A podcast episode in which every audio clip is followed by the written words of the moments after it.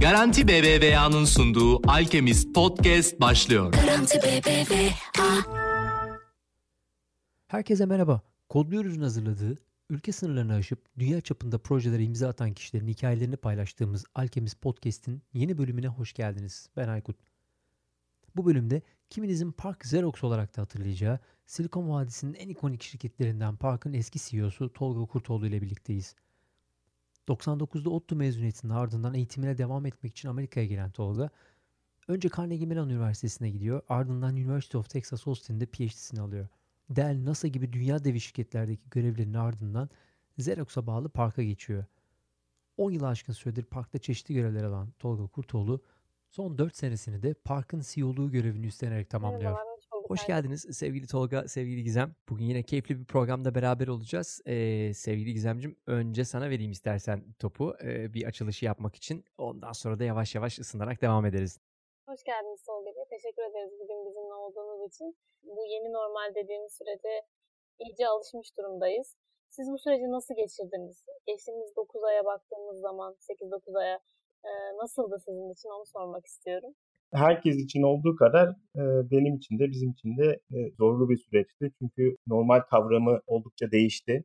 Kişisel hayatta olsun hem profesyonel hayatta olsun çok daha farklı bir şekilde günden güne hayatı yaşadık bu 9 ay boyunca. İş hayatı tarafında tabii bayağı bir zorluklarla geldi. Uzaktan çalışmaya alışmak, uzaktan liderlik yapmaya devam etmek, uzaktan ekipleri ve işleri yürütebilmek için bayağı bir çaba sarf etmek gerekti. Herkesi motive tutabilmek için. Onun tabii bir takım zorlukları ve sıkıntıları oldu ilk başta. Ama genel olarak baktığımda aslında ilk beklenilenden çok daha fazla verimli bir şekilde çalışmaya devam edildiğini de gördük. O belki bütün sıkıntılı geçen bir 2020'de çıkardığımız izlenimlerden bir tanesi. Güzel tarafta da tabii gene zorlukları var. Herkesin aynı anda evde bulunması. Özellikle bizim e, bulunduğumuz Kaliforniya'da eşim olsun, oğlumuz olsun hep birlikte bugün evden ortak aynı zamanda Zoom meetingleri karşısında bütün gün çalışmaya çalışmak e, onun da kendi zorlukları oldu. Ama bir şekilde o ritme alıştık.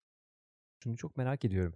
Şimdi e, Park gibi bir şirketin e, CEO'luğunu uzun süre gerçekleştirdiniz ve bir anda da dünyanın e, çok uzun yıllardır görmediği e, çok büyük bir değişimi yaşadık e, Covid'le beraber. Uzaktan çalışma kültürüne alışık olanlar için belki biraz daha kolay bir dönem geçiyor nispeten. Bir yandan da da hep şunu konuşuyoruz ya bu bir kalıcı dönem olacak mı uzaktan çalışma yoksa e, işte iğneler e, geldikten sonra aşılar geldikten sonra herkes bir anda gene ofislere bir geri saldırı mı yapacak mı? Herkesin çok üzerinde konuştuğu bir konu. Sizin gözünüzden aslında çok merak ediyorum. Global ölçekte çok büyük bir şirketin başında olmuş biri olarak. Buradaki trendi nasıl görüyorsunuz? Burada çok büyük bir değişim olacak mı? Yoksa aşılar çıktıktan sonra yine herkes eski döneme geri dönecek mi? O birlikte çalışma e, özlemini gidermek adına. Aslında bizim de üzerinde çok derinlemesine düşündüğümüz konulardan bir tanesi. Tekrar normal diye tanımlayabileceğimiz bir şeye geri dönüş yapacağız.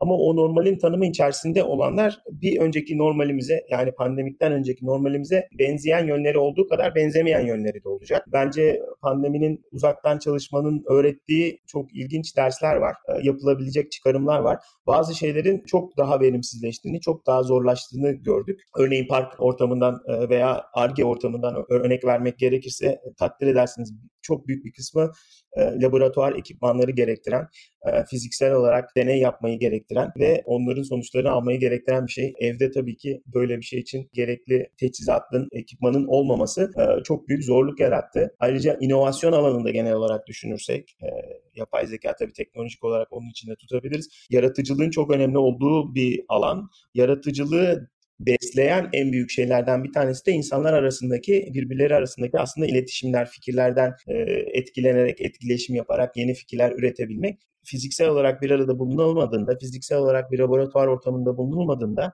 yapılamadığını ya da eşit verimlilikle yapılamadığını gördük. Aynı zamanda bazı şeylerin de çok daha fazla seyahat etmeden, çok daha fazla bir arada bulunmayı gerektirmeden de yürüyebileceğini gördük. Yani bu işin niteliğine e, geliyor aslında en nihayetinde. Ben ilerideki normalin daha böyle hibrit bir model olacağını düşünüyorum. Bazı şeyleri çalıştığını gördüğümüz şeyleri çalışmasına devam edeceğimizi düşünüyorum. Çalışmadığını gördüğümüz şeyleri de düzeltmek için hem anlamına daha fazla değer vereceğimizi hem de düzeltmek için koşa koşa geri döneceğimizi düşünüyorum. Birlikte çalışmanın ya da en azından aynı ofiste birkaç kişinin e, grup olarak birlikte oluyor olmasının e, ne kadar önemli olduğunu daha net anlamaya başladık galiba. Çünkü evde kesintisiz çalışmak gerçekten kendi adıma konuşuyorum. Gerçekten çok keyifli. Hani ofis ortamındaki o gürültü patırtı olmadan çok daha net aslında odaklanıp çalışmak çalışabiliyoruz. Ama e, o o birlikte olma ya da en azından ihtiyaç anında soru sorabilecek olma e, aslında yaratıcılık anlamında çok şeyi değiştiriyor gibi hissediyorum. Belki de işte Silikon Vadisi'nde olmanın da e, en önemli şeylerinden biri o sürekli birlikte olmak, e, beraber aynı konuları çalışan insanların yan yana oluyor olmasının etkisi galiba şimdi biraz da dağılıyor gibi sanki. Evet aynen öyle ve bir, bir noktaya daha parmak basayım. Biz bunu mesela son dönemde iş alımı, işe yeni alım yaptığımız insanlarda da gördük. Bir tek bir o insanların bir şekilde ekibe katılması gerekiyor. Bir şekilde işlerin nasıl yürüdüğünü çözmesi gerekiyor. Bunların tabii konuşulan, dokümente edilmiş olanları var, edilmemiş olanları var. O böyle belki resmi olmayan insan iletişimi diyebileceğimiz kısmı çok büyük bir eksiklik benim gördüğüm. Çünkü işte Zoom olsun, Webex, olsun hangi web tool'unu kullanıyor olursak olalım orada bir toplantının bir amacı olması lazım, bir şey olması lazım. Bu e, çay arası verdiğimizde, mola verdiğimizde, öğle yemeğinde, iş çıkışında, işte koridorda karşılaşıldığında olan e, çok ciddi aslında iletişimler var insanlar arasında ve onlar tamamen koptuğu zaman çok daha böyle ilginç ve çok daha hani belki ticari diyebileceğimiz, transactional diyebileceğimiz böyle ilişkilere yol açıyor sadece. Diğer o insan kısmı eksik kalıyor. O da bence çok büyük bir e, çıkarım e, ve de insanların çok eksikliğini hissettiği bir e, bir yönü uzaktan çalışmanın. Doğru. Ön- önceki hafta e, buradaki şirketle toplantı yaparken tam da bunu konuşuyorduk. E, o şeyi kaybettik. Yani işte perşembe günleri işte pizza saati yapıp işte bir bira bir pizza alıp arada işte rastgele konuşmalar. O rastgele konuşmaların arasında aslında işle alakalı ya da yaratıcılıkla ilgili çok enteresan fikir ya da en azından yaş, günlük yaşadığımız fark etmediğimiz bir problemi paylaşıp onun üzerine bir e, sonuç ya da bir çıkarım ya da bir, bir işte faydalı bir e, yöntem bulma e, gibi bir yola gidiyor. Bunların hepsini kaybettik. Aynen öyle, aynen öyle. Yani o e, bir ortak paylaşım dediğimiz her insanı birbirine daha yakınlaştıran, birbirini daha iyi anlamasını sağlayan. Bunu iş tarafından da düşünebiliriz. Yani ekip kurulmasında, bir ekip olarak çalışmaya, başarıya yürümede de onun eksikliği her zaman ortaya çıkıyor. Çünkü gerçekten o insandan insana olan anlayışı e, kurmak e, ve e, o güveni kurmak, derin böyle bağları kurmak giderek zorlaşıyor tabii. Aslında bir noktada o etkileşimin ne kadar önemli olduğunu da görmüş olduk. Gerçekten e, ben de bu süreçte böyle sürekli evde sadece tek başıma çalışmaktan e, onun değerini daha iyi anlamış oldum bir noktada da. Yani iki, iki, ta, iki türlü de hem dezavantajlarının hem avantajlarının olduğu bir dönemde diye düşünüyorum birçok açıdan. Peki bize biraz kendinizden bahseder misiniz? Tolga Kurtoğlu kimdir? Baktığımızda Park olduğu NASA gibi heyecan verici böyle isimler geçiyor kariyerinizde. E, yapay zekaya olan ilginiz nereden geldi? Kısaca kendimden bahsetmek gerekirse İzmir doğumluyum. İlkokul, ortaokul, lise evrenimi falan bir İzmir'de yaptım. Ondan sonra ODTÜ'de makine mühendisliğinde okudum. Ve e, yapay zeka ile ilk tanışmam da aslında ODTÜ yıllarında oldu diyebiliriz. O konuda da e, ilginç bir hikayem var aslında Amerika'ya gelmeden önce. Ben daha böyle uygulamalı yapay zeka alanlarına bayağı ilgi duyuyordum. Özellikle üniversitenin 3. sınıfından sonra 4. sınıfa yakın. E, ve böyle e, yapay zekanın uygulandığı e, mekatronics gibi, robotics gibi e, alanlara çok e, ilgi duyuyordum. O konuda bir lisans çıkışlı direkt doktora yapma imkanım oldu. Öyle bir programa kabul edildim Amerika'da. Direkt doktora programına başlamak üzere bütün hazırlıklarımı yaparken bir telefon aldım Carnegie Mellon Üniversitesi'nden. Normalde aslında başvurdum ama alınmadığım bir bölümde o, makine mühendisliğinde. Bir yeni bir pozisyonun açıldığını ve bu pozisyonun yapay zeka üzerine bir master programının parçası olduğunu söylediler ilgilenip ilgilenmeyeceğimi söylediler. Bu benim işte Amerika'ya gelişimin birkaç ay öncesinde olan bir şey. Tabii bütün planları bu böyle alt üst eden bir şey oldu. Ee, robotik alanından direkt yapay zeka ile ilgili bir alana geçiş fırsatı oldu benim için. Hem de doktora yerine biraz daha kısa süreli iki senelik master öğrenimiyle Türkiye'den en azından ona yönelik bir çıkış yapma fırsatı söyledi. Okul olarak da tabii Carnegie Mellon çok geçmiş olan, ismi olan bir kurum. Ben onu kabul ettim. Bir şekilde e, baş, çok başka bir yöne gidebilecekken e, daha böyle yapay zekanın içinde olduğu bir kariyer başlangıcı oldu benim için. E, master yaptım e, buraya geldikten sonra iki sene Pittsburgh'da. Sonra arada üç sene makine mühendisi olarak çalıştım masterla doktora arasında. Dell bilgisayarında Austin'de, Texas'ta. Ondan sonra kariyer olarak hani yüreğimin öyle bir yönde olmadığını gördüm. Yani günden güne makine mühendisliği yapılan bir alanda kalmak istemediğimi gördüm. Tekrar doktoraya başvurdum ve doktora da yine yapay zekanın çok temelinde yer aldığı, daha böyle bilgisayar bilimleriyle mühendisliği bir araya getiren bir alanda, otomasyon alanında özellikle ürün geliştirme proseslerinin otomasyonu ile ilgili olan bir alanda doktora yapma şansım oldu. Doktoradan sonra da zaten hep e, yapay zeka bir şekilde kariyerimin bir parçasıydı. E, doktoradan sonra buraya Kaliforniya'ya taşındık. İlk önce NASA'da çalıştım. E, yaklaşık 3-4 sene e, aslında orada bir stajyerlikle başlayan bir serüvenim vardı. Sonra e, okul ve doktora tamamlandıktan sonra benimle tekrar çalışmak istediler. O, orada artık e, tamamen yapay zeka üzerine çalışmaya başladım. E, onun akıllı sistemler grubu denen bir grupta ilk olarak kariyerime başladım doktora sonrası. Hani 15-20 yıl sonrasından geriye dönüp baktığımda aslında çok ilginç. O zaman sadece çok kısıtlı uygulama alanı olan sektörler vardı. Yapay zekaya gereksinim duyan. E, bugün baktığımızda hayatımızın her alanında var. Hani bir sonra dinleyeceğimiz şarkıdan bir sonra izleyeceğimiz filme kadar e, her şeyde var. Ama o zaman öyle değildi. O zaman o akıllı sistemler denildiğinde böyle bazı dar sektörler akla geliyordu. Havacılık ve uzay onlardan bir tanesiydi. Benim çalıştığım konu ve benim çalıştığım bölüm de hem havacılık sistemlerinden gelen datayı, real time datayı üzerinden prediktif bir şekilde işte herhangi bir şekilde fiziksel sistemin bozulup bozulmayacağıyla ilgili real time tahminler yapan algoritmalar geliştirmek üzerineydi. 3-4 sene o şekilde prediktif analytics dediğimiz e, algoritmaların gelişmesi üzerine çalıştık. Aynı zamanda çok böyle modelleme üzerine çok çalıştım. Aynı gene aynı amaca yönelik olarak. Bunların hepsi havacılık sektöründeki güvenlikle ilgili. Uzay sistemleri çalışırken e, bir tehlike olduğunda, herhangi bir anormal bir durum olduğunda onları önceden e, tespit edebilme ve gerekli önlemleri alıp can ve mal kaybına yol açacak şeylerden kaçınmayı sağlayacak şekilde Tabii o zaman e, bu, bu şekilde işte büyük verinin, e, analytics'in, makine öğreniminin, e, işte yapay zekanın genel olarak dünyayı bu şekilde değiştireceğini, bugün içinde bildiğimiz şekilde değiştireceğini tahayyül etmek çok güçtü. Ben böyle çok ilginç bir şekilde akademik olarak yapay zekanın içinden akademik bir çalışma e, şeyinden çıkıp çok dar alanda pratik uygulaması olan bir e, yere mi acaba gidiyoruz derken birden bile aslında biraz farkında olarak biraz da olmayarak teknolojik olarak dünyayı tamamen değiştirecek bir alanın içinde bulmuş oldum kendimi. NASA'dan sonra da park kısmı başladı. 2010 yılının yazında parka geçtim. Orada da çeşitli görevlerde bulundum. İşte önce bir ARGE ekibini yönetmekle başladım. Sonra ARGE laboratuvarını yönettim. Sonra giderek sadece teknoloji ve bilimsel araştırmaları değil aynı zamanda teknolojinin ticarileştirilmesi üzerine giderek uzmanlaşmaya başladım. İşte iş hayatı ve iş stratejisi, teknolojilerin laboratuvar ortamından alınıp pazara çıkarılması ve o ticarileştirilme sürecinin e, yönetilmesiyle ilgili çok çalışma yaptım.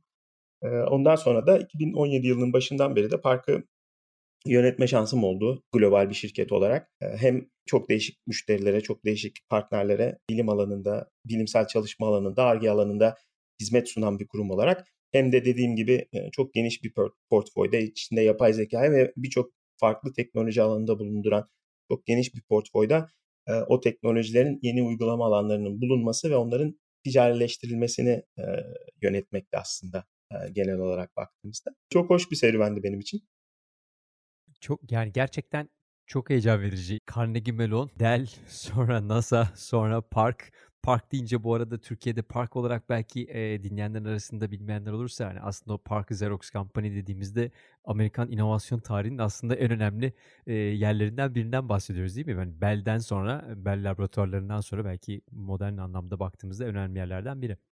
Kesinlikle öyle. Kurumsal inovasyon olarak düşündüğümüzde hem de teknoloji tarihi olarak düşündüğümüzde belki hatta lokal olarak Silikon Vadisi'nin tarihi olarak düşündüğümüzde çok çok özel bir yeri olan bir kurum geçmişi, tarihi çok zengin olan bir kurum. Hani teknoloji nesil konversiyle e, belki eş anlamlı olan bir kurum. Bugün sizin de en başta söylediğiniz gibi günden güne kullandığımız birçok e, alandaki teknolojilerin aslında ilk doğum yeri olan bir kurum. Ya bugün kullandığımız mouse'dan lazer printer'a, Ethernet'e, e, grafik ara birimlere kadar aslında her şey oradan çıkıyor dünyayı değiştiren az evvel sizin de bahsettiğiniz şeydi yani dünyayı değiştirecek bir takım e, firmaların ve e, teknolojik gelişmelerin olduğu, üretildiği yerlerin içinde olmak e, müthiş bir şans. Böyle bir şirketin içerisinde böyle ekiplerin arasında ya da böyle çok seçme insanların bir yere geldiği gerçekten dedike çalışan ekipler oluyor. Öyle bir yerde çalışmak ve dünyaya o gözden bakıyor olmak nasıl bir his? Ya da öyle bir ekibi yönetiyor olmak nasıl bir his? çok heyecan verici bir, bir duygu. Sizin de söylediğiniz gibi entelektüel kapasitesi, yaratıcılık kapasitesi, işe olan saygı, iş etiği diyebileceğimiz konularda çok yüksek derecede hem de yüksek eğitimli insanların bir araya geldiği özel bir ortam diyebiliriz aslında ona. Ama kendi içinde çok büyük zorlukları da var. Bir taraftan öyle bir kontekste böyle bir grup insanın içerisinde yer alabilmek çok heyecan verici dediğim gibi. Aynı zamanda e, bu bir takım beklentilerle de geliyor tabii ki. O beklentiler de dünyada bu değişimler olurken, yeni teknolojiler bir şekilde yeryüzüne çıkarken, yeni bilimsel akımlar oluşmaya başlarken ya da ivme kazanırken onların hepsinin de bir adım iki adım önünde kalabilmek gerekiyor sürekli olarak. Bu da aslında düşündüğümüzde çok kolay bir şey değil. Sürekli onu yapmaya çalışılan bir hem kendini zorlama hem ekip olarak hem kurum olarak onların hepsinin önünde, onların hepsine anlam katacak şekilde diğer işte partnerlere, müşterilere olsun oradan anladıklarımızı, oradan çıkarttıklarımızı daha oluşmamış ama ileride dünyaya sunulabilecek yeni teknolojiler geliştirme görevi olduğu için o açıdan biraz tabii ki yüksek stresli diyebileceğimiz bir ortam. Bir de liderlikle ilgili bir kısmını ben gündeme getirmek istiyorum. O, o da bana çok enteresan gelmişti. Yani Özellikle bunu inovasyon ve ARGE için genelleme şansımız da var. O, o tarz bir ortamda, o tarz yaratıcılık gereken, o tarz eğitimden ve birikimden geçmiş insanlarla çalışıldığında e, liderlik tarzı olarak da biraz daha farklı yaklaşmak gerekiyor. Çünkü problem çoğu zaman motivasyon e, ya da işte işe saygı vesaire gibi böyle şeyler olmuyor. O kolektif yaratıcılığı en doğru şekilde kanalize bir yerlere kanalize etme oluyor. O açıdan da değişik olmuş. Yani bir tarafta Dell'deki iş ortamını düşündüğümde, ondan sonra NASA'dakini düşündüğümde, sonra Park'takini düşündüğümde hepsinin birbirine göre farklılıkları vardı. Ama o grubu yönetebilmek için biraz daha farklı yaklaşmak gerekiyordu. O da enteresan bir tecrübe böyle bir global şirketin de e, CEO'nu yapmış biri olarak ekip kurmadan bahsedince ve ekip içerisindeki o dinamizmden bahsedince e, Türkiye'deki yazılım alanında kendini geliştiren gerek kendi startup'ını kurmak isteyen gerek kendi globalleşmek isteyen şirketler için hedefleri olan gençlere gerekse e, bir kurumsal şirkette çalışmak isteyen gençler için aslında burada önemli noktalar olduğunu düşünüyorum. Böyle böyle bir genç kendini e, kendi kariyerini oluştururken aslında neye dikkat etmeli? Hem e, bir ekip dinamizmi, ekip çalışması ruhunu alıştırmak adına hem de kendi e, doğru kariyer adımlarını atmak adına e, bu şirketleri kendilerine hedef olarak aldıklarında sizce nelere dikkat etmeliler? Ben üç tane şey vurgulayacağım bu, bu soruya cevap olarak. Çok güzel bir soru. İlki öğrenmenin sonu yok. Belki klişe olarak gelecek ama hele bugünkü ortamda her türlü bilgiye bir şekilde erişim mümkün. İnternet üzerinden diğer bugün dünyanın neresinde olursanız olun Stanford'da öğretilen yapay zeka derslerinin içeriğiyle ilgili erişimi konusunda hiçbir sıkıntı yaşamayacaksınızdır. O çok önemli bir şey. Bizim de hep baktığımız bir şey. Yani kendini yetiştirme içgüdüsü, kendini büyütme içgüdüsü ve sürekli öğrenme motivasyonu diyebileceğimiz bir şey. Hangi alanda olursa olsun teknolojiler, bilgiler, programlama alanında kullanılan tool'lar her gün değişiyor bir şekilde yeni teknolojilerin sunabilecekleri olanakları en güzel şekilde kullanabilen, o öğrenme içgüdüsüne en yüksek düzeyde ve motivasyonu en yüksek düzeyde tutabilen insanlar gerçekten çok aranıyor. Çünkü değişen gereksinimlerle birlikte o tarz insanların yeni gereksinimlere adapte olma olasılığı çok daha yüksek oluyor. Bu bir. İkincisi girişimcilik ruhu diyebilirim. Özellikle teknoloji alanında kariyer yapan insanlar teknik ağırlıklı olarak tabii ki geliyorlar. Teknik eğitimden geliyorlar. Teknik konulara hakimiyetleri çok yüksek oluyor. Fakat o teknik kısmın gerçek hayatta hangi uygulamalara yol açabileceğini, neler yapılabileceğini, neler yapılamayacağını, bunu kullanacak insanların o teknolojileri nasıl kullanabileceğini, nasıl kullanamayacağını, istenilen ve istenilmeyen ne gibi sonuçlara yol açabileceğini ta, önceden tahayyül etmek de çok büyük bir yetenek diyelim. Ben ona genel olarak hani girişimcilik mantığıyla yaklaşmak diyorum. Mutlaka girişimcilik yapmalılar, girişimci olmalılar demiyorum ama girişimci mantıkla teknolojiyi yorumlayabildiğiniz zaman çok daha farklı sonuçlara yol açabiliyor. O da çok baktığımız bir şey. Üçüncüsü de e, belki genel kapsamda networking diyebileceğimiz bir şey. Yani kendini e, bu, bu dediğim iki şeyi aslında besleyen şeylerden biri işte biraz önce Aykut Bey sorduğunuz sorunun aynısı aslında. Etrafınızı, kendinizi aynı motivasyonda, aynı şeylere önem veren, sürekli öğrenmeye çalışan, işte sürekli kendini geliştiren, e, değişik sorular sorup onların cevaplarını düşünen insanlarla mümkün olduğunda, olduğunca çevrelediğinizde o da aslında hem öğrenmeyi hem kişisel gelişimi ivmelendiren e, bir husus. E, ona da çok dikkat etmek gerekiyor. Yani benim etrafımdaki insanlar kimden, kimden ne öğrenebilir, başka kimle bağlantıda olabilir. Bu üçünü bir araya getirdiğinizde çok böyle albenizi çok yüksek olan bir kişisel profil ortaya çıkıyor kariyer gelişimi için. Ben onları tavsiye ediyorum. Amerika'ya ilk gelirken, e, Türkiye'den çıkıp, e, ODTÜ'den çıkıp Carnegie Mellon'a girerken bugün şu an bulunduğunuz yere kadarki süreçle ilgili ne kadarlık kısmını hayal etmiştiniz? Ne kadarı sonradan tamamen yolda belirlendi? Ne kadarı sizin hayaliniz ve beklentiniz içinde olanlardı? hemen hemen hiçbiri planlı değildi. E, açık konuşmak gerekirse. Ama biraz önce söylediğim üç şey onların ben bilincindeydim aslında. Ta en baştan kariyere başlarken. Bir şekilde işte o tarz özellikleri bir araya getirdiğinizde karşınıza çıkan fırsatlar size seçim yapma şansı veriyor. Ve o seçimlerde aynı şekilde sürekli kendini geliştirmeye, ileriye taşımaya motive motivasyonu olan insanlar için her zaman farklı seçeneklerin olması çok güzel bir şey. O seçenekler arasından da seçimler yaptığınızda bir şekilde görüyorsunuz. Ben de baktığımda bugün işte üstlendiğim görevleri, yaptığım değişik şeyleri onların bir, birçoğunu ilk baştan e, tahayyül edemezdim. Ama e, şey olarak hatırlıyorum yani e, mesela NASA'da ilk staj olarak girmiştim NASA'ya. Oradan oradan örnek vereyim.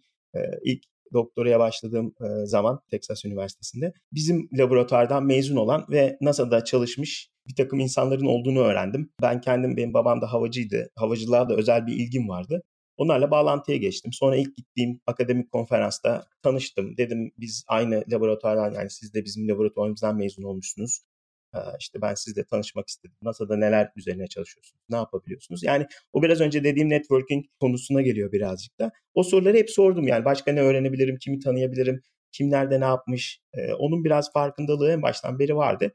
Ee, o da dediğim gibi en nihayetinde size seçenekler olarak geri geliyor. Siz o seçenekler arasından seçtiğinizde e, kariyerinizin zaten ileriye doğru yürüdüğünü görüyorsunuz. Bir önceki bölümde sevgili Mustafa İspil'le konuşurken kendi mutlu olduğu, keyif aldığı, tutkulu olarak yapmak istediği şeyin peşinde koşmaktı. Kariyerini planlamaktan ziyade ve kariyer bir şekilde o tutkunu peşinde koşarken geldi demişti.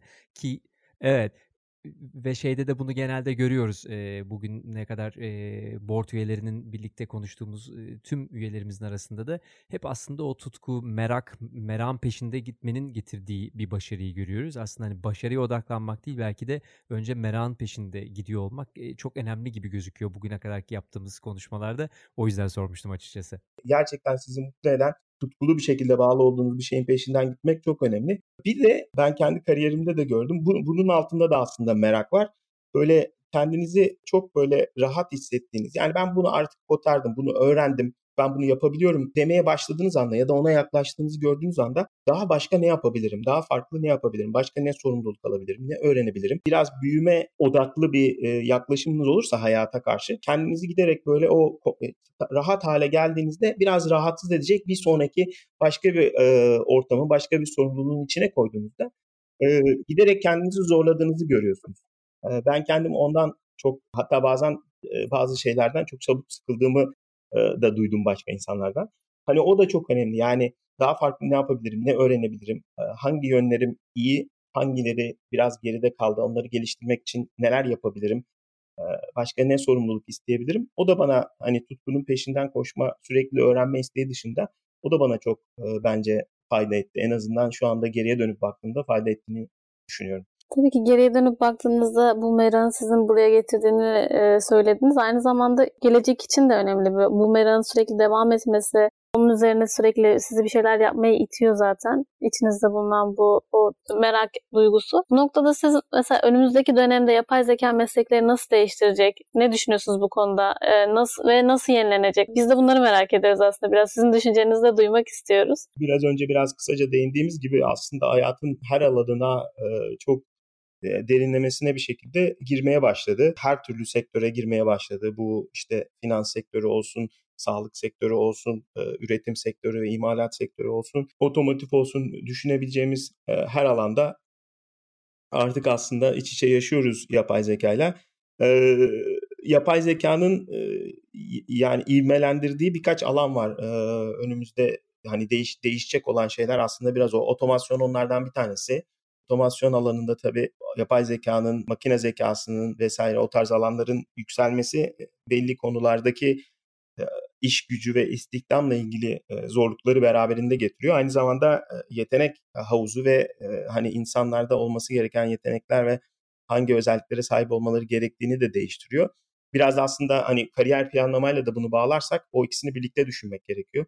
Bazı mesleklerin ortadan kalkacağını öngörmek çok da yanlış olmaz diye düşünüyorum. Bunlar şu anda gözüken hani çok böyle e, tekrar eden ve e, bir şekilde bilgisayara anlatması kolay olan e, işte e, aynı şeyi defalarca kere yap, yapılması gereken çok da fazla e, yaratıcılık vesaire gerektirmeyen e, iş grupları çoğu.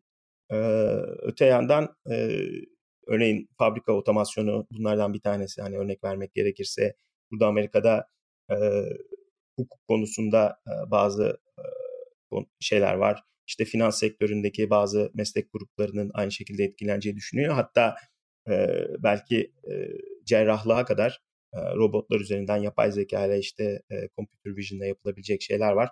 Hani çok geniş bir meslek grubunu değiştireceğini düşünüyor. Burada gene kariyer planlaması açısından düşünürse hangi meslek gruplarını daha etkin bir şekilde yeni ortaya çıkaracağını ve daha etkin bir şekilde farklı özelliklerde insanlara ihtiyacı olacağını da düşünmek gerekiyor. Onlar da biraz aslında yani yapay zekanın bir sonraki döneminde, geleceğinde hangi sorunları çözmesi gerektiğine geliyor bana bana sorarsanız. Bir, Türkiye'yi siz dışarıdan baktığınızda nasıl görüyorsunuz? İki, Türkiye'deki gençlerin bu global yarışa kendilerini daha hızlı entegre edebilmesi için sizce eksik olan ya da hali hazırda olup da bizim kullanmadığımız bir şey görüyor musunuz? Burada bir öneriniz olur mu? Global yarışta var olabilmek için sonuçta enformasyon çağında ve bilgi çağında yaşıyoruz. O açıdan daha önce değinmeye çalıştığım şeyler çok önemli. Bence temel eğitim olarak programlama çok önemli. Kodluyoruz'un en büyük amaçlarından bir tanesi de o. Yani bir programlamayı anlamak, programlamada ehil hale gelmek ve o konudaki en son teknolojilerin farkında olmak ve onların bir, birçoğunu kullanabiliyor olmak verimli olarak çok çok önemli. Çünkü giderek her şeyin daha işte yapay zeka ağırlıklı, programlama ağırlıklı, otomasyon ağırlıklı hangi sektör olursa olsun olduğunu göreceğiz. Buna göre insanların kendini hazırlaması gerekiyor. İlk bu söylemek istediğim. İkincisi soğuk savaş döneminden teknoloji ve yapay zeka savaşlarına geçti dünya. Silikon Vadisi'nden baktığımda bunu, bunu görüyorum. Bunun 2-3 tane ekseni var. Bir tanesi tabii ki Amerika, bir tanesi Avrupa, bir tanesi de Çin ve Asya diyebiliriz. Çok derecede yatırımlar yapıyorlar ulusal düzeyde ve e, o yapay zeka yarışında hani bir, bir adım öne geçebilmek için e, ciddi derecede yatırımlar var. Bir şekilde e, Türkiye'nin de e, bu eksende bir yerde yer alması gerekiyor. Aslında insan kaynağı olarak ben hiçbir sıkıntımız olduğunu düşünmüyorum. Tabii genel bir planlama yapılması gerekiyor onun için. Yani bir, bir, bir aslında e, Türkiye açısından oluşturulmaya çalışan bir yapay zeka e, stratejisi var. E, ülke anlamında bir çalışma gerçekleştiriliyor şu anda bildiğim kadarıyla. Bir yandan da işte kodluyoruz tarafında sizin bahsettiğiniz gibi biz de e, kendi çapımızda, kendi ekibimiz içerisinde e, imkanlarımız dahil verdiği sürece aslında sizlerle beraber bir çalışma yapmaya çalışıyoruz. E, yeni neslin arasında aslında yeni yeni ortaya çıkan farklı e, oluşumlar da oluşmaya başladı. Ama dediğiniz gibi tabii globale entegre olmak o noktada başka bir takım şeyleri de birlikte getiriyor yanında. Bunun içerisinde yatırımından tutun da e, okullarla entegre çalışmaya ya da işte e, ulusal ülke dışındaki aslında e, bir takım e, partnerlerle de birlikte çalışmak gibi farklı şeyler de yapmak lazım. E, o noktada hala tabii biraz daha yavaş gittiğimizi söyleyebiliriz belki. Aslında hazır siz kodluyoruzdan bahsetmişken belki bilmeyen dinleyicilerimiz de vardır. O yüzden ben tekrarlamak istiyorum. E, yapay zeka danışma kurulundan. Türkiye'de yapay zeka e- e- ekosistemini yeşertmek, bu alanda çalışacak gençleri yetiştirmek amacıyla aslında dünyanın ve Türkiye'nin önde gelen 13 uzman ya da girişimcilerini biz kodluyoruz yapay zeka danışma kurulunda bir araya getirdik. E, siz de bu kurulun bir üyesisiniz. Sizin Kodluyoruz'a tanışma hikayeniz nasıldır? Onu merak ediyorum. Ben e, aslında biraz önce bahsettiğimiz Mustafa İşbir'in aracılığıyla tanıştım. E, Gülcan'la. E, o e, böyle bir oluşumun içerisinde yer aldığını söyledi. Benim de hem geçmişim hem de e, hani teknik ve iş alanındaki bilgi birikimimi göz önünde bulundurduğunda sizlerle tanışmamın ve bunun böyle bir oluşumun içinde bulunmamın güzel olacağını söyledi. O şekilde ilk karşılaştık. Daha sonra Gülcan'la konuştuk, Gülcan Hanım'la. Ondan sonra da zaten o noktadan itibaren hani board'daki arkadaşlarla birlikte çalışmaya başladık. Çok güzel, teşekkür Bizim ederiz. De, ee, iyi ki de kurula dahil oldunuz, öyle söyleyeyim. Çok heyecan verici zaten yapılanlar. Ben geleceği düşündüğümde bu yani kodlama olsun, yapay zeka olsun, diğer alanlarda ehil insanlar yetiştirebilmek ve aslında biraz önce konuştuğumuz konuya da bağlantılı. Yani birçok şeyin de aslında lokal uygulamaları var. Globalden baktığımızda, Amerika'dan baktığımızda buradaki perspektifte göremeyeceğimiz çok ilginç uygulamalar var. Ama onları bir şekilde yeni teknolojilerle su üzerine çıkarabilmek için ehil insanlar yetiştirmek gerekiyor. Ve o problemler üzerine düşünen bir kitle yetiştirmek gerekiyor. Bence Kodluyoruz'un yapmaya devam ettiği ve bunu daha da gelecekte göreceğiz umarım. En büyük şeylerden biri de aslında onlara hizmet edebilmek. Her endüstride, her endüstri şeyde uygulama alanında. Bu da çok heyecan verici. Bunu tabii sizlerden duymak bizim için daha keyifli ve gerçekten heyecanlı. Ülkenin içerisinde gençlerle beraber bir, bir, bir takım çalışmalar yapmaya çalışırken dışarıdan bir bakış ee, özellikle e, Silikon Vadisi içinden bir bakış e, ya da global projelerde çalışan hali hazırdaki board üyelerinden bir bakış bizim için gerçekten çok kıymetli. Bazen çünkü yaptığımız işin arasında kendimizi biraz daha e, onun sınırları içerisinde görebiliyoruz. Halbuki biraz daha buradan çıkıp kendi sınırlarımızdan çıkıp tabii dünyanın gözüyle e, farklı projelerin ve e, farklı beklentilerin gözünde de bu değerlendirmeyi almak lazım. O yüzden sizin katılımınız bizim için gerçekten e, çok kıymetli bir anlamda. O yüzden de hep soruları da şey çerçevesinde tutmaya gayret gösteriyorum. Bir yandan da tüm bu deneyimi Türkiye'deki gençlere nasıl aktarabiliriz? Burada yaşanan e, olumlu olumsuz deneyimleri bir şekilde alıp bu tarafa nasıl getirebiliriz? Buradan da aslında biraz da şeye gideceğim. E, şimdi e, board üyelerimize baktığımızda birçoğu aslında e, Türkiye'den çıkmış, e, Türkiye'nin önemli üniversitelerinden çıkmış ve yurt dışında e, birçok şirkette ya da akademik anlamda çalışıyor. Bazıları da sevgili Çetin Tekin Meriçli gibi kendi şirketlerini kurmuş, e, global arenada yarışıyor. E, dolayısıyla aslında bir yandan da da şeyden bahsediyoruz son dönemde. E, mevcut yeteneğin Türkiye içerisinden çıkması ve dünyaya açılması bu bir kayıp da olarak gözükebilir. Aslında bir kazanım da olabilir. Biz genelde bunu bir kazanım olarak görüyoruz. Çünkü Türkiye'den çıkanlar genellikle global anlamda çok başarılı işleri imza atıyorlar. E, biraz orada sizin de görüşünüzü merak ediyorum. Bu biraz ikircikli bir konu. Son dönemde çok konuşulan bir konu. Yeteneği kaybetmek. Ben onu aslında yeteneği kaybettiğimizi pek düşünmüyorum. E, bir geri dönüşünün olduğunu düşünüyorum ama sizin açınızdan da bunu merak ediyorum açıkçası.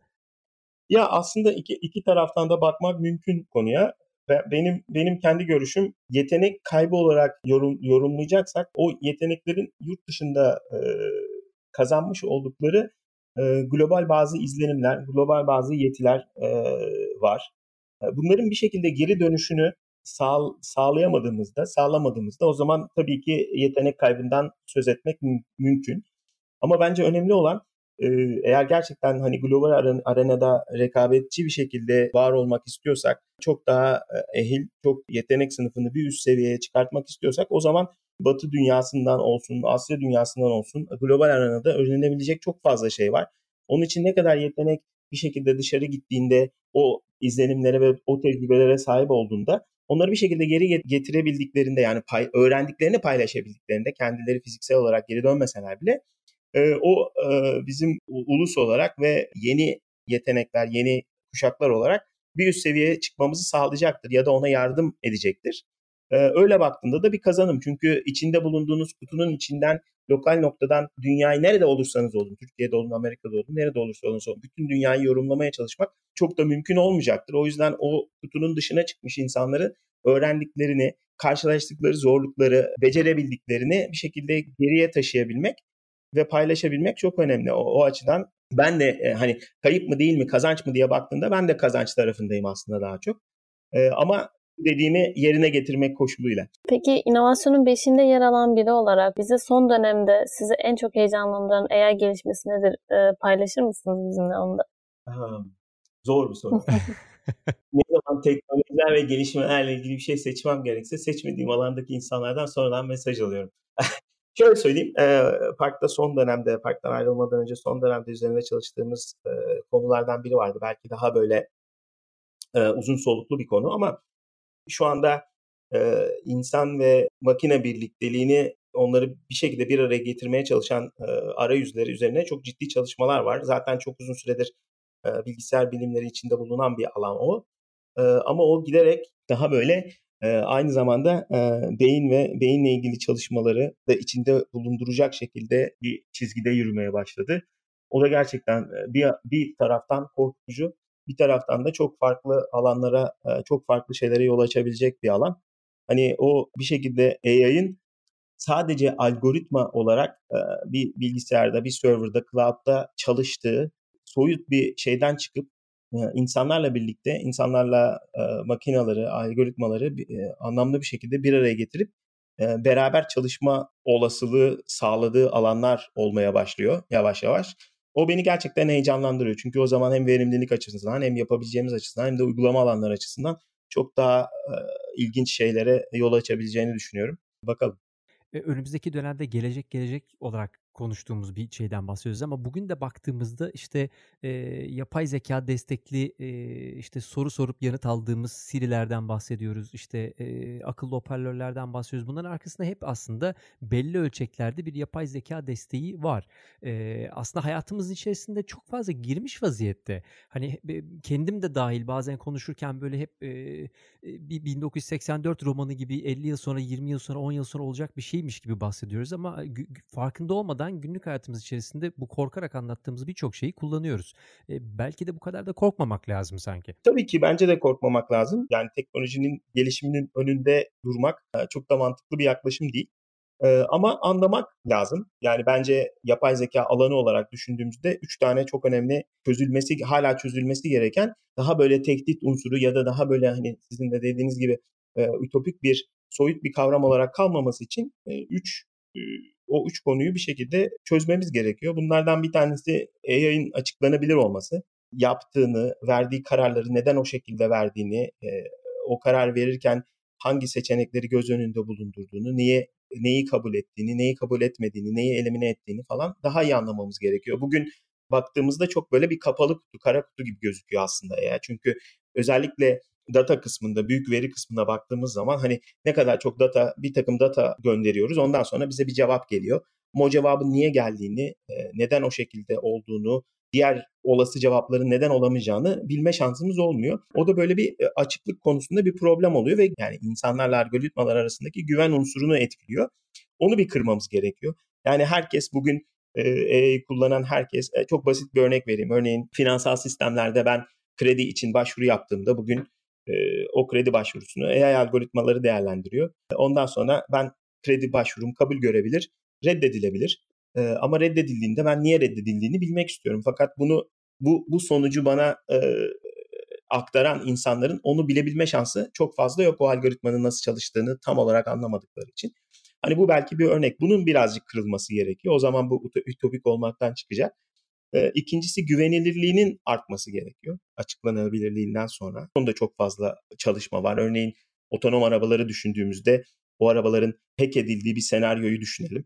Ve şimdi arabalardan kamyonlara, traklara geçiyor. On binlerce arabanın otonom şekilde otoyollarda dolaşırken bir şekilde hack edilebildiğini düşünün ve onun kötü amaçlı kullanılacak insanların eline geçebildiğini düşünün. Bir felaket senaryosu. O, o tarz negatif örnekler yaşamamak için bir şekilde güvenilirliğinin de çok arttırılması gerekiyor. Son olarak, üçüncü olarak da etik etik kısmı gelişmesi gerekiyor. AI'ın daha böyle etik bağlamında doğru kararlar verebilmesini sağlayabilecek çalışmalar yapılması gerekiyor. Bugün akademik birçok çalışma var. Sonuçta datayla beslenen ve datadan öğrenen bir, bir yöntem olduğu için o datadaki takım ön yargılar algoritmalara da yansıyor. O ön yargıları ortadan kaldırabilmek ve yanlış sonuçlara yol açabilmemek açmamak için o ön yargıları kaldıran ve etik olarak da doğru kararlar veren algoritmalar yapmak gerekiyor. Bence bu bu üç çizgide yeni şeyler başardıkça, bunları bir şekilde bu sorunları çözmeye devam ettikçe insanların aklından da daha da fazla, daha kompleks işler yaptığı halde işte dediğimiz gibi zaten kullanıyorduk. Siri'nin içinde vardı işte ben, ben bana Spotify dinlerken bir sonraki şarkıyı zaten önermişti tarzı kabul ettiğimiz yöne doğru gidecektir. Bunlar e, bir şekilde çözülmediğinde de insanların kafasında soru işaretleri ve o güvensizlik ve felaket senaryosu olacak mı acaba kalmaya devam edecektir. Ben tabii hem teknolojist bir insan olarak hem de optimist olarak o yönde birçok adımların atıldığını görüyorum daha da derin çalışmalar olacaktır önümüzdeki zamanda ve ileriye taşıyacaktır o sorunları çözerek özellikle hukuk anlamında e, AI algoritmalarının Amerika'da aslında farklı farklı e, mahkemelerde de kullanıldığını e, zaman zaman hem okuyoruz hem örneklerini görüyoruz. Hatta bazıları da davalık oldu. E, alınan kararlarda problemler olduğunu etik anlamında özellikle e, race, racial tercihlerde bir takım problemler olmasından dolayı. Tabi burada hala çalışmaların yapılıyor olması gerekecektir. Ben orada biraz şeyi merak ediyorum sizin bakışınızdan. E, her konumuza aslında bunu Gizem'le beraber soruyoruz. E, farklı disiplinlerden geliyor olmanın özellikle yazılım alanında, yapay zeka alanında farklı disiplinlerden geliyor olmanın e, sizce bir katkısı ya da bir e, e, eksisi var mı konusunu biraz tartışmaya çalışıyorum. Çünkü özellikle etik tarafında şey gibi hissediyorum. E, sosyal bilimler geçmişinden olan insanların da e, bu alana katkı sağlıyor olması aslında bu etik tarafındaki ve güven tarafındaki problemi çözmekte sanki e, daha yardımcı olabilecekleri ve katkı sağlayabilecekleri gibi bir e, düşüncemiz var ama sizin bu konudaki düşüncelerinizi merak ediyorum. Kesinlikle. Yani yüzde yüz bu konuda da çalışma yaptık biz parkta da yaptık. Ben de içinde bulundum. bu gerçekten sorunun çözümünün çok büyük bir parçası. her çeşit farklılık diyebilirim. çözümün çok büyük bir parçası. Çünkü takdir edersiniz ki teknolojik gelişimi yapan insanlar demografik olarak belli şeylerden geliyorlar. o demografik kısıtlamaların dışına çıkıp onu zenginleştirmek ve hem teknolojinin gelişiminde bir fiil olarak hem de o teknolojinin uygulanmasında işte toplum tarafından kabul görmesinde her türlü farklılığı bir şekilde temsil edecek bir ortam yaratmak çok çok önemli. Bu dediğiniz gibi disipliner olarak bakarsak değişik disiplinlerden gelen insanların bunun içinde olması çok önemli. Sosyal alanlarda eğitim görmüş insanların bunun içinde olması çok önemli. İşte politika yapımı konusunda, toplum kültürü konusunda bilgisi olan insanların, eğitimi olan insanların bunun içinde olması çok önemli. Çok farklı kültürel olarak, ülke olarak, ırk olarak çok farklı yerlerden gelen insanların kendi perspektiflerini e, bu tartışmanın içine çekmesi çok önemli. O alanda dediğim gibi her türlü e, farklılığı içinde barındıran insanların bu tartışmanın içinde olması bu sorunun çözülmesi için çok çok önemli ve konuda çok çok ciddi çalışmalar ve yatırımlar var. Son dönemde Türkiye'den çıkan girişimleri takip etme şansınız oluyor mu hiç? İşte global ölçekte karşılaştırdığınızda e, Türk startuplarını nasıl görüyorsunuz? Türk evet takip ediyorum. Hatta e, bir iki startupla da e, bağlantım var. E, onları heyecanla takip ediyorum. Genel olarak genel hatlarıyla da takip ediyorum. E, bence çok böyle e, bir ivmelenme var. E, Türkiye'de girişimcilik ve inovasyon ekosisteminin e, sadece kurumsal bazda ve hani devlete bağlı kurumlar üzerinden ve özel sektör kurumları üzerinden değil aynı zamanda çok böyle dinamik, hareketli bir startup sistemi üzerinden de e, yürümeye e, başladığını görüyorum. O konuda bayağı bir özellikle startup tarafında çok ciddi bir ivmelenme olduğunu düşünüyorum. Bu da tabii çok heyecan verici bir şey. Bazı konularda tabii e, eksiklikler hala var. E, e, o konudaki çalışmalar e, tabii yapılıyor. O ivmenin umarım daha da artarak e, hızlanacağını göreceğiz. Zaten son zamanlarda siz de takip etmişsinizdir birkaç tane uluslararası alanda e, başarılı bir şekilde işte satın alınan firmalar oldu e, vesaire. Onlar da tabii önemli e, kredi e, açısından e, dış dışarı bakışta insanların kabul görmesi açısından da çok önemli. Ama birçok alanda e, çok çok ilginç e, kuluçka merkezlerinin kurulması üniversitelerin etrafında vesaire onları takip etmeye çalışıyorum. Çok güzel fikirleri olan, çok gerçekten böyle çok değişik konularda, ileri teknoloji alanlarında tutkuları olan, onların peşinden giden genç girişimci arkadaşları görmek beni beni çok mutlu ediyor dediğiniz gibi global ölçekte e, çok önemli e, rakamlarla aslında satış gerçekleştiren, exit yapan şirketler oldu. Sırada hala e, haberlerini almayı beklediğimiz birkaç şirket daha var anladığım kadarıyla. Ortalık hala heyecanlı gözüküyor şu anda. E, bir anlamda işte casual game'lerde, hyper casual game'lerde enteresan girişimler çıkmaya başladı. Oyun dünyasında farklı farklı girişimler çıkmaya başladı. Bizim için de tabii çok heyecan verici. Bir yandan tabii kodluyoruzun da e, bu alanların içerisinde yazılımcı yetiştirmesine katkı oluyor olması ve farklı farklı şirketlerde e, bizden çıkan gençlerin de çalışıyor olması bizi ayrıca da mutlu ediyor. Evet, şey de çok ilginç. Oyun oyun sektörü gayet ilginç. Yani orada şimdi birden fazla e, son döneme baktığımızda birden fazla e, dediğiniz gibi eksik oluştu. O da böyle belki e, Türkiye açısından, Türkiye'deki yetenek açısından ve de bir alana spesifik bir alana odaklanma açısından enteresan bir şey oluşturdu. Onu tabii destekleyerek daha da büyütmek lazım. Çünkü dış dünyanın dediğim gibi birden fazla örnek gördüğündeki bakış açısı Doğru, çok evet farklı yani. oluyor. Bir, bir de e, Bu da heyecan verici. kadarıyla buradan hareketle e, farklı başarılı projeler ve şirketler çıkarmak nispeten daha e, kolay diğer alanlara göre. Çünkü birçok alan çok domine edilmiş vaziyette zaten. E, ama Türkiye'nin bu konudaki yetenek e, kapasitesi e, gerçekten iyi. E, hızlı hareket edebiliyor özellikle oyunla oyun alanında. E, iyi de örnekler çıkardı Türkiye'de. E, dolayısıyla dediğiniz gibi yurt dışından evet. da bu tarafa bakışta biraz değişmeye başladı. İnşallah önümüzdeki yıl 2020-2022 e, daha da güzel haberlerle yeni başarılı şirketleri görüyor oluruz. Bizi de heyecanlandırıyor. Çok teşekkür ederiz. Ee, çok keyifli bir sohbet oldu bizim için de. Ee, son olarak bu kapatmadan dinleyicilerimize ne söylemek istersiniz? Öncelikle dinledikleri için teşekkür etmek isterim. Ee, ve baştan beri konuştuğumuz gibi e, çok teknoloji, yapay zeka, kodluyoruzun yapmaya çalıştıkları bunların hepsinin ortak ekseninde aslında bizim sahip olduğumuz e, yetenek havuzundaki e, insanların en doğru şekilde kendi kariyerlerini belirleyebilmesi, e, güzel şeyler ortaya çıkarabilmesi dünya için, Türkiye için. E, onun için hep beraber çalışıyoruz. E, umarım benim söylediklerim de takım örnekler teşkil etmiştir dinleyiciler için. E, hem size teşekkür ediyorum Gizem Hanım, Aykut Bey. E, hem de e, o gelecekten en son konuştuğumuz gibi birçok böyle olumlu gelişme de var. Umarım 2021 e, hepimiz için çok daha iyi, çok daha güzellikleri barındıran bir yıl olur.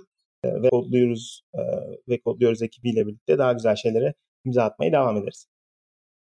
Çok çok teşekkür ederiz. Gerçekten bizim için e, çok keyif. Hem sizinle birlikte bu bir saati geçirmiş olmak e, ve sizin deneyimlerinizden faydalanmak, onları dinlemek ve dinleyicilere onları aktarmak bizim için çok gerçekten çok keyifli oldu. E, o yüzden vakit ayırdığınız için bütün bu e, yoğun döneminizin arasında gerçekten vakit, vakit ayırdığınız için çok teşekkür ediyoruz e, sevgili Torga Kurtoğlu. Rica ederim ben teşekkür ediyorum.